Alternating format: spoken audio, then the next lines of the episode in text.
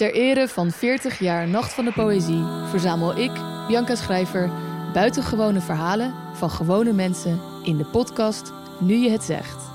Verhalen over veranderende vriendschappen, kleine heldendaden en ook over wachten op de dood. Ik bedoel, ik heb zeven jaar geleden dacht ik van ja, mijn pensioen ga ik niet halen. Omlijst met de mooiste optredens op de Nacht van de Poëzie hoor je elke aflevering één verhaal.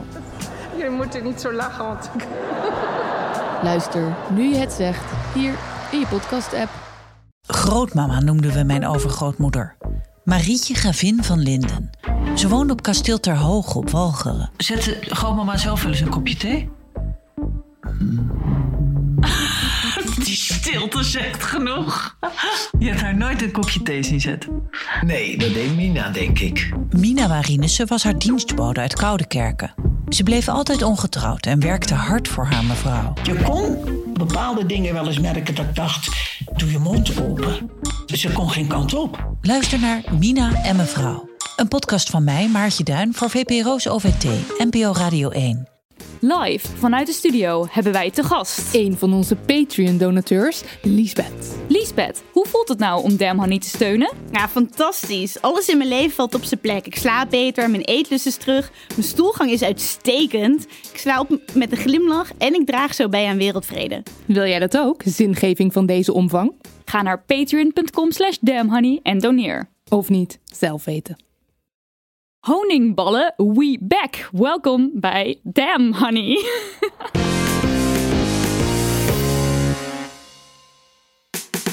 De podcast over shit waar je als vrouw van deze tijd mee moet dealen. Mijn naam is Nidia. En ik ben Marilotte. En dit is aflevering 24. Uh, we, hebben de, uh, we hebben twee vrouwen in de studio die beide werkzaam zijn bij vrouwennetwerk Women Inc. En de eerste die ik voor ga stellen is expert arbeidsmarkt Suzanne Steeman. Welkom. Dankjewel.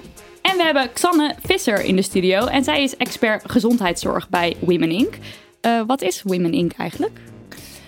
Ja, Women Inc. is een uh, uh, stichting die zich inzet voor gelijke kansen voor mannen en vrouwen in de samenleving. en dat doen we op verschillende thema's en, ge en, gebieden. Dus zowel op arbeidsmarkt, gezondheidszorg als beeldvorming. Mm -hmm. en gezondheidszorg zit voornamelijk op de man-vrouw verschillen in de zorg. Dus dat de zorg van oudsher meer op uh, mannen is gebaseerd dan op vrouwen. En dat we daardoor minder weten over vrouwenlichaam en hoe aandoeningen zich uh, uiten bij vrouwen. Uh, en geld kan jij beter uitleggen, uiteraard. Ja, thema geld of thema arbeidsmarkt. dat is mijn thema. En um, daarmee richten we ons eigenlijk op de positie van vrouwen op de arbeidsmarkt. Of ook wel de financiële positie van vrouwen. En daar heeft eigenlijk heel veel mee te maken. Dus de loonkloof, ja. die nog steeds bestaat in Nederland. Dat is een thema wat daarbij belangrijk is. Maar ook bijvoorbeeld de uh, ongelijke verdeling van betaald werk en onbetaalde zorg. En alle normen die daaraan vasthangen. En uh, de gevolgen voor vrouwen dat ze vaak niet economisch zelfstandig zijn. Dat heeft er allemaal mee te maken. En daar proberen wij doorbraken in te creëren. Ja. En dat lukt best goed. Ja, wij zijn ook een groot fan van Women Inc. We hebben raadplegen de website regelmatig. We hebben Suzanne ook al heel vaak gestalkt met mailtjes van... helpen, willen iets over de loonkloof? Geef ons informatie. Uh, we gaan het straks met jullie hebben over zogenaamde vrouwenkwaaltjes op de werkvloer. Dus aan de ene kant inderdaad gezondheidszorg, aan de andere kant uh, de arbeidsmarkt. Uh, maar eerst, Marilotte, vertel ons wat voor niet-feministische dingen je hebt uitgespookt afgelopen week. Ik was weer lekker op dreef. uh, ik ging uh, koffie halen bij de koffiecompagnie. En um, ik vond het erg rustig. Het, het, was nog vakantie. Dus ik vond het rustig en ik zei tegen de barista, jeetje, wat is het rustig? En toen zei zij, ja, want het is vakantie. En ik trok toen, de, toen dacht ik... En toen klok, trok ik de conclusie: oh, het is rustig, want het is vakantie. Want de kinderen hoeven niet naar school. Dus moeders hoeven hun kinderen niet naar school te brengen. en daarna gaan ze natuurlijk normaliter koffie leuten. Oh. dus ik had allemaal. En ik zei dit allemaal niet hardop, maar dit was echt duidelijk een gedachte. Dus, um, maar ja. je zei toch wel zoiets van: oh, maar de moeders die zijn er dus niet. En toen had de barista toch jou Oh ja, nee, dat klopt. Want nou, nee, ik zei tegen haar dat ik die gedachte had. En toen zei zij: ja, nee hoor, maar vaders die gaan net zo hard koffie oh, leuten. Nice. net zo hard. Uh, Nidia. Uh, ja, ik had een tijdje terug um, op mijn werk. Daar, daar moest ik wel eens mailen met een uh, vrouw. En die, ik kende haar niet persoonlijk, ik heb haar nooit ontmoet. Alleen maar via de mail, want het was van een ander bedrijf. En zij mailde altijd heel kort af. En ik had dus ook wel eens um, gedacht eh, stiekem. Van, oh, wat een, wat een uptight bitch. Zonder letterlijk misschien die gedachte, maar jullie snappen wat ik bedoel. Dat ik echt dacht Mm. van, oh mens, weet je wel. eh, Altijd heel zakelijk. Mm. En ik had er laatst ook een gesprek over met een andere collega. Van jeetje, zij is echt eh, zo, heel onaardig. En toen eh, ging ik weg bij mijn werk. En toen heb ik dus een mailtje ook naar haar gestuurd. Van hey, dit is de laatste keer dat ik je mail, want ik ga stoppen. En toen kreeg ik dus een heel lief mailtje terug. met een plaatje erbij. Ah. En ik vond het zo fijn om altijd met je samen te werken. En eh, eh, heel veel succes met je nieuwe uitdagingen. Wat ga je dan doen? En Oh. nou, puur omdat zij dus geen woordjes gebruikt als eh, eh, sorry, maar of kun je misschien even kijken naar. Eigenlijk. Eigenlijk. Dus eigenlijk al die woorden die we veel minder zouden moeten gebruiken als vrouwen. Eh, daardoor eh, vond ik haar stom. Oh, wow. Sorry, mevrouw. Eh, en Xanne. Ja, ik moest meteen denken aan het feit dat ik afgelopen weekend een vrijgezellenfeest heb ehm, georganiseerd voor eh, een bruid en eh, dus ook gehouden. Eh, en daarna dacht ik meteen wat onfeministisch om te denken dat dat onfeministisch is. Want ik dacht meteen, oh ja, Oh, waarom ja. vind ik dat eigenlijk onfeministisch Wat dat ik, een vrij, ja, wat, Ja. dat ik een vrijgezellenfeest heb georganiseerd. Oh ja. Dus ik merkte meteen mijn, mijn innerlijke eh, eh, eh, strijd en twijfel soms met wat vind ik als feminist van trouwen en vrijgezellenfeesten en, en dat soort dingen. Waar vaak wel van die stereotypes aan vastkleven. Ik denk dat dat een beetje is dat ik Ja. dacht... Dat is een, zo'n typisch vrijgezellenfeest met misschien eh, eh, de mannen die gaan eh, drinken naar de kroeg en de vrouwen Mm. die dragen een roze sjerp of hoe noem je dat? Wat je Ja, die net- en een, en, ja, precies.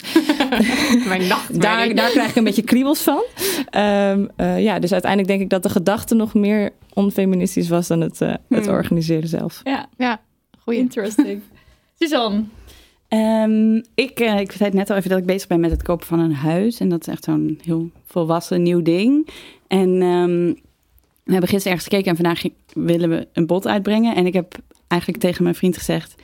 Bel jij die makelaar Doe jij maar. Doe jij het maar. En ik, het is best wel, ik, ik, heb, ik verdien meer dan mijn vriend, dus ik ga meer aan dat huis betalen. Dus ik, op zich zit ik best wel lekker in qua mijn financiën en zo. Dus dat weet ik ook allemaal dat het goed op orde is. Maar ik had wel het idee, en dat kwam ook omdat we gisteren bij dat huis waren en de makelaar hebben gezien. En ik dacht, oh ja, dat is echt een, ook zo'n man die misschien meer aangaat op mijn vriend die belt of zo, die mij niet serieus neemt. En in plaats van dat ik dacht, fuck dat. Ik bel gewoon zelf en ik geloof in mezelf. Heb ik toch maar gezegd, Doe Doe jij het doe jij het maar. En dan, dan, wie weet, komt het dan, hebben we dan meer kans of zo. Dus het is een beetje dubbel. Aan de ene kant gewoon de, de samenleving is stom en je moet je mis, of Of zo een beetje een strategie. Ja, het is ook een beetje strategie. Dus ik dacht, misschien is het slimmer, maar eigenlijk vind ik het wel een stomme strategie. Dat je dan Ja. meegaat in Dat de dan, ja, precies. die we- dat ik denk, ja. ik ga het niet. Ja, dus ik heb wel gezegd, oké, als dit huis niet doorgaat, doe ik wel de volgende. dus dat is nu beetje- want hij vond het ook helemaal niet leuk om te doen. Het is ook een soort van, waarom zou hij dat wel goed kunnen of zo? Het is ook een rare, rare aanname eigenlijk. Maar ja, dat vond ik wel eh, ergens onfeministisch Ja. van mezelf. Ja. nou, goeie mensen. Goeie. Eh, tijd voor post. Ja. Hit it. Hit it. Beste lieve meiden van Damn Honey. Ik ben een meisje van 13 jaar en luister graag naar jullie podcast omdat ik er veel van kan leren. Ik heb een belangrijke vraagteken, vraag. Na de zomervakantie ga ik naar de tweede en in de brugklas had ik iets waar ik me een beetje zorgen over maakte. De conrector van de brugklas gaf vaak complimentjes waarvan ik dacht, eh, gadver. Hij kijkt en staart dan bijvoorbeeld heel lang naar beneden en zegt op een beetje een vieze toon, wat heb je een leuk rokje aan. Ja. Ik voel me dan ook heel ongemakkelijk en zeg dan wel gewoon netjes bedankt. En dan bedenk ik me dat ik er wel wat mee moet gaan doen, het iemand vertellen. En dat heb ik ook gedaan. Mijn moeder weet het en vond het ook al heel raar. Maar op school, bij wie moet ik deze situatie melden? Niet bij de conrector zelf natuurlijk. Of kan dat gewoon? Dat ik zeg dat ik me daar een beetje ongemakkelijk bij voel als hij ongepaste complimentjes geeft. Ik denk zelf ook wel eens van, kom op, het is wel een beetje overdreven. Misschien bedoelt hij het helemaal niet op die manier. Maar daar heb ik ook niks aan. Ik ga natuurlijk nu naar de tweede en weet dat ik waarschijnlijk niks meer met hem te maken ga krijgen. Maar andere meisjes die nu naar de brugklas gaan, misschien wel. En dat wil ik voorkomen. Ik hoop dat jullie wat goede tips hebben om dit op te lossen en dat het een gepast verhaal is voor deze podcast. Groetjes. Wauw. Dit is toch meer dan Ja. een gepast verhaal voor de podcast. ik vind het zo goed eh, dat je hierover een brief stuurt. Ja. Want, want dat je er hier zo over nagedacht hebt en nou dat, dat iemand dan iemand van 13 Ja. dan naar haar moeder stapt en dan denkt, oké, waar wie moet ik dit dan melden op school? Ik, ik deed het niet toen ik 13 was. Nee. Zat Ik had niet eens door dat Had het je het niet zo ongepast door? was. Of, Ah, nee, of zoiets. dacht ik, ja, dat zal wel en normaal je, zijn. ja, en misschien dat je het dan een beetje had van, oh, nou, hij zegt wel een beetje viezig. Ja, nou ja, Ja. en dan laat je Ja, het weer gaan. zo. ja. Maar vooral ook dat ze zegt, de meisjes na mij. En Ja, dat is zo echt lief. zo, Ja. zo goed. Solidariteit. We love you. Waar het over gaat. Ja, nou. ehm, Wat kan je doen? Ja, wat kan je doen? Je kan, ehm, misschien is er een vertrouwenspersoon op school. Die is Ja. er eigenlijk altijd wel. Ik weet niet precies hoe dat bij jou op school is, maar het is al er, hij, zij zal er ongetwijfeld zijn. Ehm, nou, weet je nou niet wie dat is? Of denk jij, nou, dat is wel de vertrouwenspersoon, maar daar heb ik helemaal niks mee. Dan zou je bijvoorbeeld ook nog een briefje kunnen typen, uitprinten en in de brievenbus doen van eh, de rector of de vertrouwenspersoon of je mentor. Dus er Mm. hoeft helemaal je naam niet onder te staan. En dan eh, kun je best ook in, dat, in die brief je twijfels uitspreken van ja, misschien is het wel een beetje overdreven. Want als je toch een beetje voelt van ik ben iemand aan het verlinken of zo, wat ik, daar ben ik niet mee eens, want het is gewoon terecht als je deze gevoelens hebt. Mhm. Maar als je daarover twijfelt, dan kan je dat er nog bij zetten. Ja, en dan, eh, ja, het is, het is niet dat je iemand ehm, van iets heel ernstigs. eh, ehm, Nee.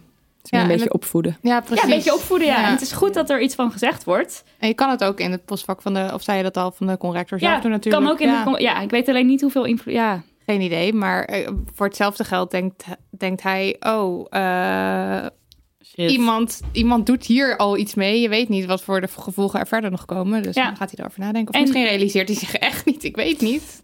en misschien wil je moeder wel eh, meeschrijven of meedenken. Oh ja? Maar je bent goed bezig. We love door. Oké, poststuk nummer twee. Yes. Hallo lieve Hannies. Ik ben net begonnen met luisteren naar jullie fijne podcast naar aanraden van een feministische vriendin. Nu heb ik een probleem wat ik wil voorleggen en jullie om advies wil vragen. Situatieschets. Tijdje terug zat ik, jonge vrouw van 28 jaar, in een sprinter rond 10 uur in de ochtend. Ik ga altijd helemaal vooraan zitten in de twee zitjes, want dat is lekker rustig. Dus ik zit daar fijn een podcast te luisteren en uit het raam te kijken. En ik dacht dat er verder niemand in de coupé zat, totdat ik om me heen keek en schuin achter mij een man zag zitten.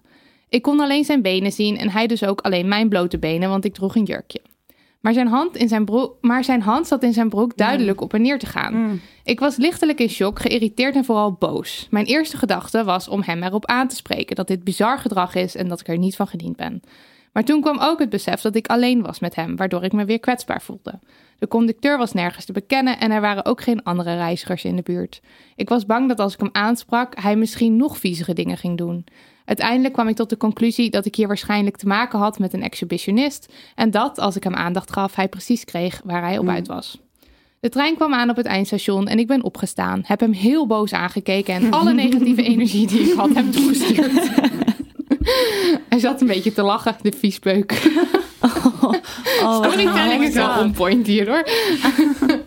ik heb nog snel gekeken of ik de conducteur zag, maar ik ben toen toch zonder het te melden weggelopen. Het was, mijn, het was mijn woord tegen viespeukswoord en ik wilde niet meer bij hem in de buurt zijn. Ik voelde me echt smerig hierna.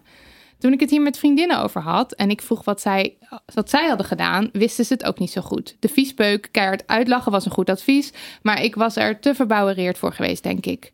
Maar mijn vriend werd echt super pissig naar mijn verhaal, dat dit gewoon in een trein op klaarlichte dag gebeurt bij vrouwen. Ik denk niet dat hij erbij stilstond voorheen dat zoiets mij kon overkomen. Hij vond dat de viespeuk hier niet zomaar mee weg had mogen komen. En dat eh, en dat ik echt iemand had moeten aanspreken eh, of hem op de foto had moeten zetten. Ik snapte helemaal wat hij bedoelde en normaal ben ik echt niet op een mondje gevallen, maar ik wist niet wat ik met de situatie aan moest zonder mezelf kwetsbaar te maken. Wat is jullie advies voor vrouwen waarbij, waarbij zo'n situatie zich voordoet? Ik kan me voorstellen dat bijvoorbeeld een tienermeisje zich hier al helemaal geen raad mee weet. Alvast bedankt, heel veel liefs, Suzanne. Oh my god, ik heb hier zoveel Wow. over te zeggen. nou, niet ja, shoot. Het was een jaar geleden ongeveer dat ik in de trein zat. Op klaarlichte dag. En dat er een man aan mij zat. Terwijl die ook met zijn hand in zijn broek Oh. zichzelf zat af te trekken. Eh, en ik had dat niet door. Dus nou, ik heb het uiteindelijk wel doorgehad. Maar ik was Oh. aan het lezen en ik was ook aan het appen, denk ik. En ehm, ja, nou, dat gebeurde dus. Ik heb ook niks gezegd. Het was een stiltecoupé. En het is, ik herken me zo in deze brief. Hmm. En, hier, jij en was, het is zo fucked up. En jij was niet eens alleen in de coupé. Nee, nee, nee, nee. Er zaten heel veel mensen in de coupé. Maar hoe het dan gaat, is eh, je gaat twijfelen. Dus zat hij Mm. echt aan me? Zit hij in zijn broek? Oh, hij heeft nu zijn hand weggehaald. Kan ik er wat van zeggen? Ja, maar het is een stiltecoupé. Als ik wat Mm. zeg, dan ga ik s- scannen stoppen en eh, schoppen. En ik ben hem wel nu... Dan, dan accuse ik hem wel van iets. En tegen wie ga ik dat dan zeggen? En wat nou als de mensen me niet serieus nemen? En dat gaat allemaal door je hoofd.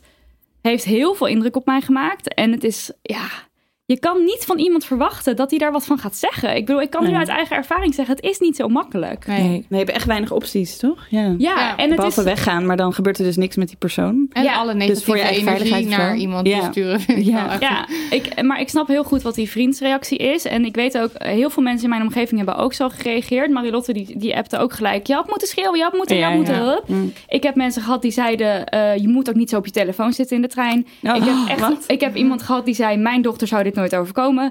Mensen zijn fucked up als er Ja, iets jou gebeurt. En je bent toch ook helemaal in, scho- in shock op zo'n moment. Ja, en ik dan moest weet je, zo huilen daarna toen ik Ja. uit de trein was. Maar het was, het was pff, nou ja. Maar mensen walsen gewoon helemaal over de kwetsbaarheid Ja. heen die je Ja. voelt. En die zij hier ook in die brief beschrijft. Het is gewoon dat stukje. Jij, jij staat er vanaf ver en je hoort dit verhaal aan. En je denkt echt, Ja, dit je- had je moeten doen. En je dit wil iemand je... beschermen Ja, natuurlijk. precies. Dus dat is waarom je al die dingen zegt. Want je denkt van... Je denkt ook van, die lul had er niet mee weg moeten komen. Dat denk ik ook nog steeds van die man. Maar ja, leg het alsjeblieft niet zo bij vrouwen, vrouwen, neer. ja, en ja, ik, dus het is ook het ding van... als je nu advies gaat geven van... wat moet een vrouw doen in zo'n situatie? Kijk, nu... Als ik, het, ik heb het nu een keer meegemaakt. Ik heb trouwens iets wat zij omschrijft ook al een keer meegemaakt. Maar deze man zat echt aan me, waardoor ik het alsnog heftiger heb ervaren. Nu hoop ik dat ik wel schennis zou schoppen. Dus dat Ja. ik zou op gaan staan en dat ik zou schreeuwen van... Gadverdamme, blijf Ja. met je gore klote... Dat ik echt zo zou reageren. Want iedereen mag weten dat hij dat dan doet. Maar doe het maar eens. Mm, als het Ja. uit het niks gebeurt. Want je bent niet voorbereid. Het is inderdaad gewoon de ochtendspits. Je ging gewoon naar je werk. Mhm. Of je ging gewoon... En zoiets gebeurt dan. ja. Ja. en als je in je eentje vooraan in die, die trein zit en je bent alleen, dan, Dan heb al je nog die ongelijkheid van, maar als ik nu schennis ga, hoe, hoe, hoe sterk is hij en hoe Ja. groot is hij? En Ja. dan is er Ja. zo'n ongelijkheid ook qua, Je weet qua gewoon, je kan de reactie gewoon ook gewoon niet inschatten. Nee. En het is ook, ik, ehm, ik, ik heb alleen maar het referentiepunt van dat ik met iemand was toen iemand zeg maar zo zijn jas opentrok. En eh, Mm. toen, toen ben ik heel hard gaan gillen en lachen en dat werkte wel. Maar dat is omdat ik met iemand was, met een vriendin was. En dan ben je een soort van samen sterk. Ja. En dat, dat, dat zit niet in dit verhaal. En dat zit Ja. ook niet in jouw verhaal, want je bent alleen. Ja, ook al ben ja, je niet, ook alleen. ja. Ik zou wel als ik... eh, ik zou sowieso nu opstaan en weggaan. Dat is de, de één. Dus zodra ik dat zou zien, zou ik opstaan en weggaan. En ik zou misschien ook zeggen, ik ga even de conducteur halen. Ja. Zoiets. Ja, zoiets. En ook al lukt het je niet om die dan te vinden, maar dus niet, het- niet het gesprek aangaan van wat doe je of whatever. Dat is misschien wat ik dan nu zou. Mm. Op het moment dat iemand, als ik iemand dat zie doen, zeg maar. Dus niet die iemand die aan mij zit, want dat is, nou ja, pff, dat is Mm. zo Ja. vervelend. Mm. Ja. Dus ja, lot of thoughts. Maar ehm, ja, ik heb er, ja, hebben Ja. we wijze raad? Niet echt. Nee. Niet echt- Ja. nee. nee, dat is het Ik vind, van nou, ik deze- vind dat wat Ja. jij zegt over ik ga even de conducteur halen en gewoon verder niet, niet het gesprek gaan, vind ik een goeie hoor. Ja. En ook dan dus besluiten niet aan jezelf te twijfelen. En gewoon Ja. denken, ik heb hier gelijk in, ik weet Ja. wat ik zie. ja. Ja, dat ook. Dat is ook zo irritant dat je al die twijfels gaat voelen. Ja. Oké, we hebben nog een poststuk. Ah, ja. Hoi Marilotte en Lydia, ik zit met een dilemma dat ik graag aan jullie wil voorleggen. Ik ben me sinds een jaar steeds bewuster van diet culture, fatfobia en het hele overkoepelende probleem dat er ontzettend veel van vrouwen wordt verwacht. In dit geval qua uiterlijk en schoonheidsidealen. Ik probeer er zelf alles aan te doen om hier niet meer in mee te gaan of aan bij te dragen. En ik voel me daar super goed over. Maar ik heb steeds meer moeite met de vrouwen en ook mannen, maar in dit geval gaat het even over de vrouwen in mijn omgeving die hier nog wel aan meedoen en het hierdoor ontzettend moeilijk maken voor andere vrouwen en zichzelf. Mijn beste vriendin is altijd bezig met diëten en is best wel vetfobisch. Ze zegt vaak dingen als: Ik wil niet als dikke troll eindigen. Als ik bijvoorbeeld vraag waarom ze wil afvallen. En ik vind het verschrikkelijk moeilijk hiermee om te gaan. Ik heb al meerdere keren met haar geprobeerd te praten hierover, maar het lijkt niet door te dringen. Ik merk dit overigens bij veel vrouwen die geen koekje eten zonder eerst even te zeggen hoe slecht het wel niet is en dat ze morgen gaan sporten of aan andere vrouwen vragen of ze dat wel zouden eten, terwijl ik dan al drie koekjes op heb zonder me rot te voelen. Het is zo moeilijk omdat ik het aan de ene kant wel snap, omdat deze ellende zo diep in de maatschappij zit. Maar aan de andere kant doe ik zo mijn best om al deze uitspraken niet meer te doen en te denken over mezelf of anderen. En word ik er zo boos van. Een ander voorbeeld. Een vrouwelijke collega die vergeten was make-up op te doen die ochtend en de hele dag roept dat ze er niet uitziet, terwijl ik de helft van de tijd geen make-up draag. Hmm. En ik ben heel bang dat als ik dit tegen elke vrouw in mijn omgeving ga uitspreken, ik niet meer geaccepteerd word. Ik voel me hierdoor, hierdoor ook best wel vervreemd van mijn vriendinnen en vind dit erg moeilijk. Herkennen jullie dit en hebben jullie advies hoe ik hiermee om kan gaan? Jij kent het heel erg. Oh my god. Ja. Echt story of my life. maar ik, eh, ja, ik, ik hou niet op met het, eh, met het gewoon maar te zeggen dat het dat het kut is. dat je dat niet over jezelf moet zeggen en over anderen. Ja, mensen vinden me soms wel vervelend. Of eh, ik, ik merk ook gewoon dat het niet geaccepteerd wordt. Maar jammer dan. Eh, de schellen zijn van mijn ogen gevallen en mensen zal het weten. ja, dat is eigenlijk het enige wat ik erover te zeggen heb, denk ik. Ik had laatst met mijn moeder, die heeft er heel erg een handje van om zichzelf ontzettend naar beneden te praten. Wat gewoon heel vervelend is, want het is gewoon heel slecht voor jezelf en je hebt er niks aan. En Nee. af en toe doet ze een uitspraak waarbij ze ook andere mensen kan kwetsen. Dus in dit geval ging het over ehm, eh, bodybuilders, vrouwen, heel gespierde vrouwen. Ja, dat vind ik ook niet mooi. En toen zei ik, oké, wacht. Stel je voor dat ik nou heel graag dat zou willen doen. Dan zeg je dat nu tegen mij en dan heb ik het beeld, oh, dat mag niet, want dat is lelijk. Zei ze, en ik heb je toch nooit, eh, ik heb toch nooit dit soort dingen bij je neergelegd toen je jong was of wat. Nou, en toen gingen we gewoon even het gesprek aan over dat dit wel, dat dit wel impact heeft. Dus nee, ze heeft nooit gezegd, je mag niet gespierd worden of je mag niet dit of dat. Wat heel fijn is. Ik heb daar een hele fijne opvoeding gehad. Maar toch maken die uitspraken wel indruk. En nou ja, door gewoon zo het gesprek aan te gaan, dat hielp. Dus ik ging niet zo van, je mag dat niet zeggen, punt. Maar gewoon even zo van, kijk wat het zou kunnen doen. En uh. toen had ze volgens mij wel een soort doorbraak. Van, oh ja, hmm. En ik zei ook, je moet misschien nog een keer Dead Money lezen. Hier heb je nog een keer. eh, Ja. ja. Ja, dat is wel Ja. inderdaad wat mij opvalt. Dat het nog steeds ook mensen zijn in mijn omgeving die bijvoorbeeld iets over zichzelf zeggen. Over ik ben zo dik of mijn armen zijn zo lelijk of zo. Eh, en dat zijn mensen die ook inderdaad gewoon Damn Honey hebben gelezen. En dan Hmm. hebben gezegd, oh, dit was echt eye-opening. En ja, en vrouwen is dus een dit een bevrijding. En, en dan, en dan, dan denk ik, drie weken dat later dan zo. vergeten? Maar ik vind dat vaak ook wel moeilijker. Want ik vind het makkelijker om inderdaad ook met mensen te bespreken. Ja, hoe, hoe iemand anders eruit ziet, et cetera. Dat, dat gaat ons niks aan. Een soort van Ja. iedereen moet lekker zichzelf zijn. Maar ik vind het moeilijker om op het moment dat iemand het echt over zichzelf heeft. Dat ik dan wel eens denk: oh, hoe kan ik jou er nou van overtuigen dat je echt zo leuk en zo mooi bent. En dat je niks aan jezelf hoeft te veranderen. Dus ik herken inderdaad Ja. hier heel erg dat in. Een beetje van, die machteloosheid. hoe- en soms doe je een grapje, soms doe je heel serieus van dit mag je echt even niet over jezelf zeggen. Maar Ja. je, je vraagt je wel eens af. Het is, het is dan makkelijker om dat ten opzichte van anderen te doen dan ten Mm. opzichte van Ja. jezelf, denk ik. En je ziet ook gewoon heel vaak dat het niet doordringt. Dan kan je er wel wat Ja, van zeggen, klopt. maar je weet gewoon, dit is niet iets, dit kwartje Ja. valt nu niet. Ja. Al die beelden zijn zo sterk van Ja. waar je aan moet voldoen en Ja. wat mooi Ja. is en zo. Dat is, bij mensen zit dat zo erg in hun hoofd. Ja. En dan Ja, denk het je is gewoon inderdaad... een waarheid. Ja, het is echt... Het ja, is niet precies. iets om over te discussiëren of zo. Het is Nee. gewoon wat het is. En Ja. jij bent dan een afwijkende stem daarin of zo. En dan is denk ik inderdaad het gesprek voeren en uitleggen hoe jij erover denkt. Zonder dat je een soort van waardeoordeel geeft over... Oh, je mag dat echt niet zeggen, dat is de foute mening. Want dat is gewoon iemands waarheid. Ja, Inderdaad, meer uitleggen hoe jij erin staat... is denk ik dan ja beter. een goede manier om, om iemands blikken ook te op- openen... en een beetje ander eh, beeld te krijgen ervan. Al snap ik ook Ja. gewoon heel goed als je helemaal gefrustreerd raakt en gewoon krijgt. Nee! Ja, ja. Bij sommige gevallen...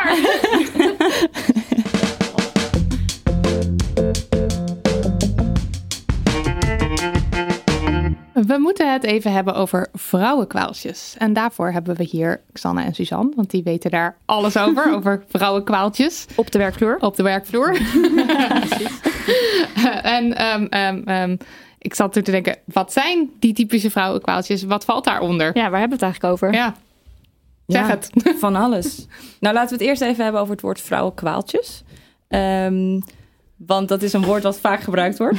en eh, op zich heel begrijpelijk. Want je weet eigenlijk meteen wel... Je, je hebt meteen iets in je hoofd. Hè? Je hebt meteen wel het idee van eh, eh, dingen die alleen vrouwen hebben. Dus dan denk ik ook wel meteen bijvoorbeeld aan menstruatieklachten... of dingen die te maken hebben met de overgang of andere aandoeningen.